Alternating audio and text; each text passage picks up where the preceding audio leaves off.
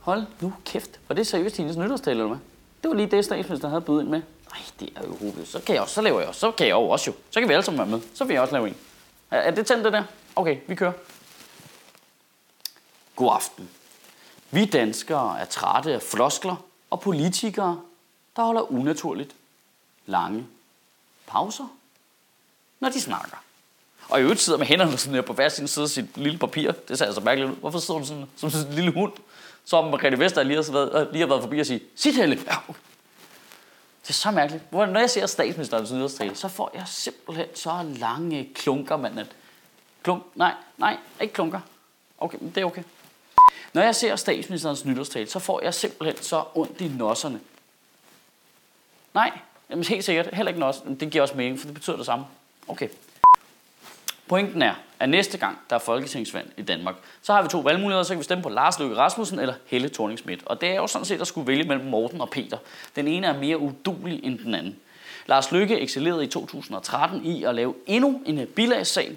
Og det, som er rigtig smukt ved det, det er, at Lars Lykke, som jo så enten har snydt øh, eller øh, er udulig, øh, jeg ved ikke, hvilken en af tingene det er, øh, han bliver selvfølgelig straffet i meningsmålene. Danskerne, det kan vi ikke lide. Vi kigger på det og siger, det vil vi ikke være med til, og Venstre går tilbage i meningsmålingerne og rammer niveau med Helle thorning Schmidt.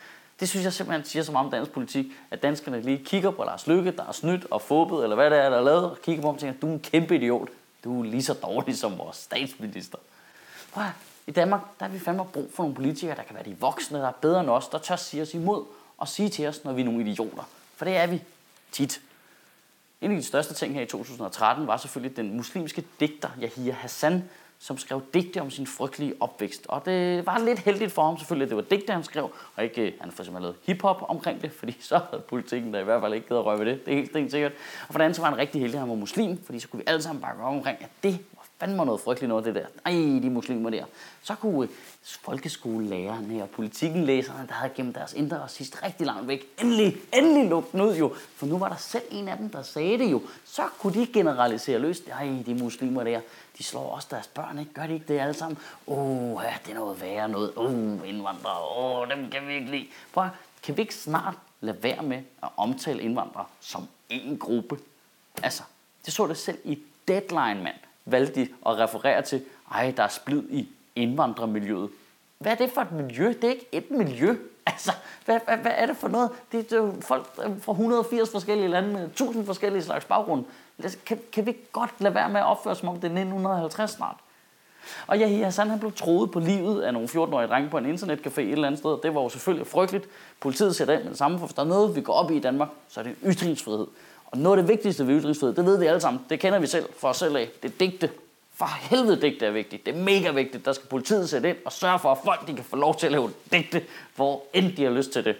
En sjov detalje ved den her historie er, at fuldstændig sideløbende med, at Yahya Hassan bliver troet på livet, og politiet skal redde hans ret til at sige digte højt i forskellige bygninger, så øh, er min rigtig gode stand-up-kollega, Heino Hansen, blevet troet på livet, fordi han har taget en FCK-trøje på, selvom han er Brøndby-fan. Så Brøndby-fans vil slå ham ihjel. Hvor er pressen? Ingen steder. Ingen interesserer sig for det overhovedet. Hvor er politiet? Ja, fuck Heino, mand. Fuck Heino. Han kan tage ud og lave sine jokes og blive slået ihjel af nogle Brøndby-fans. For det er ikke muslimer jo. Det er muslimerne, der er de slemme jo. Sådan fodboldbøller der. Det skulle bare nogle drenge med for meget krudt i røven, ikke? Det, ej, det, det, det, det, sgu, det skal de ikke. Så længe det ikke er muslimer, du. De skal ikke komme herop til vores fredelige kultur, hvor vi kun banker folk, fordi de har de forkerte fodboldtrøjer på. Danmark er et land, hvor vores statsminister kun tør tale til os én gang om året. Det er noget af det mest deprimerende, der findes. Øh, og selvfølgelig taler hun til os på 1. januar, hvor vi alle sammen er tømmermænd, og vores parader er helt sænket. Det er det mest kujonagtige nogensinde. I den her tid, hvor der er reform på reform på reform, har vi mere end nogensinde brug for, at der er nogen, der gider fortælle os, hvad fanden der er, der foregår. Vi kigger op af fjernsyn, og alle drømmer om, Helle, sig noget. Forklar os, hvad der foregår. Vi forstår ikke en skid. Men det kommer aldrig til at ske, for de er så pisse ligeglade. Men derfor har jeg besluttet, at i 2014, der vil jeg holde en nytårstale hver uge. En øh, ny ugestale, der samler op på ugen, der er gået, og bringer os godt ind i den næste. Kan du have et rigtig godt nytår. Og Gud bevarer din bare røv. Heller ikke røv, heller ikke... Nej, okay. Jeg kan faktisk godt lige, mens jeg siger det, tænker jeg, at du vil nævne det på en eller anden måde. Ja, vi dropper det, helt sikkert.